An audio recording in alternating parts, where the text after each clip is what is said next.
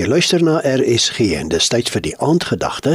Dit word vanaand aangebied deur Piet Smit van Pretoria. Ek groet jou in Jesus se naam.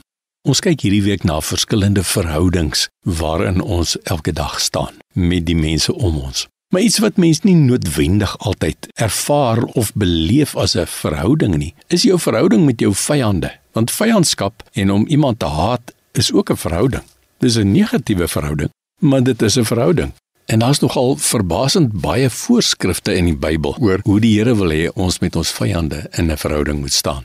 Nou ek sê dit maar met versigtigheid, maar nie een van ons in hierdie ou wêreld doen eintlik so baie goed met hierdie verhouding met ons vyande nie. Kyk maar na sosiale media.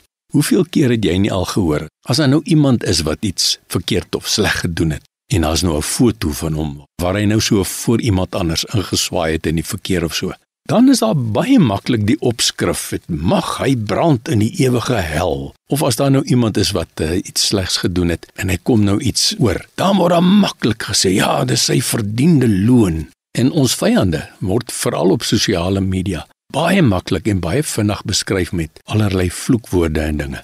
Die Bybelse voorskrifte en die Bybelse realiteit is dat die Here van ons verwag om sy verteenwoordigers op aarde te wees nie sy wetstoepassers nie Die Here wil hê ons moet ons vyande vergewe, net omdat God ons vergewe het. Hoor gou wat staan in Matteus 5 vers 43. Die Here Jesus self is aan die woord. Hy sê: "Julle het gehoor dat daar gesê is: Jy moet jou naaste lief hê en jou vyande moet jy haat. Maar ek sê vir julle, vir Jesus wat praat, julle moet julle vyande lief hê. Seën die wat julle vervloek. Doen goed aan die wat julle haat en bid vir die wat julle beledig en julle vervolg." En nou is my vraag: Wie van ons en ek voor in die ry het die vermoë om jou vyande lief te hê en hulle te vergewe en vir hulle te bid en hulle te seën? Ek glo die enigste manier om dit reg te kry is om die Here, die Heilige Gees toe te laat om jou vyande deur jou lief te hê.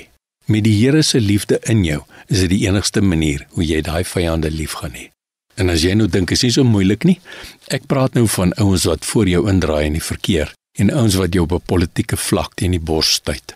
Wat van reeksmoordenaars, wat van kindermolesteerders, wat van die ouens wat ons land ekonomies op sy knieë het. sien ek en jy kans om hulle ook te vergewe en te seën en soos Matteus 5 sê, goed aan hulle te doen en vir hulle te bid net deur 'n persoonlike verhouding tussen jou en die Here en deur sy liefde wat deur jou vloei, gaan jy en ek in staat wees om ons vyande te seën. Ek bid dat die Here jou sal help om dit te doen. Seën vir jou. Dit was dan die aandgedagte hier op RSG, vanaand aangebied deur Piet Smit van Pretoria.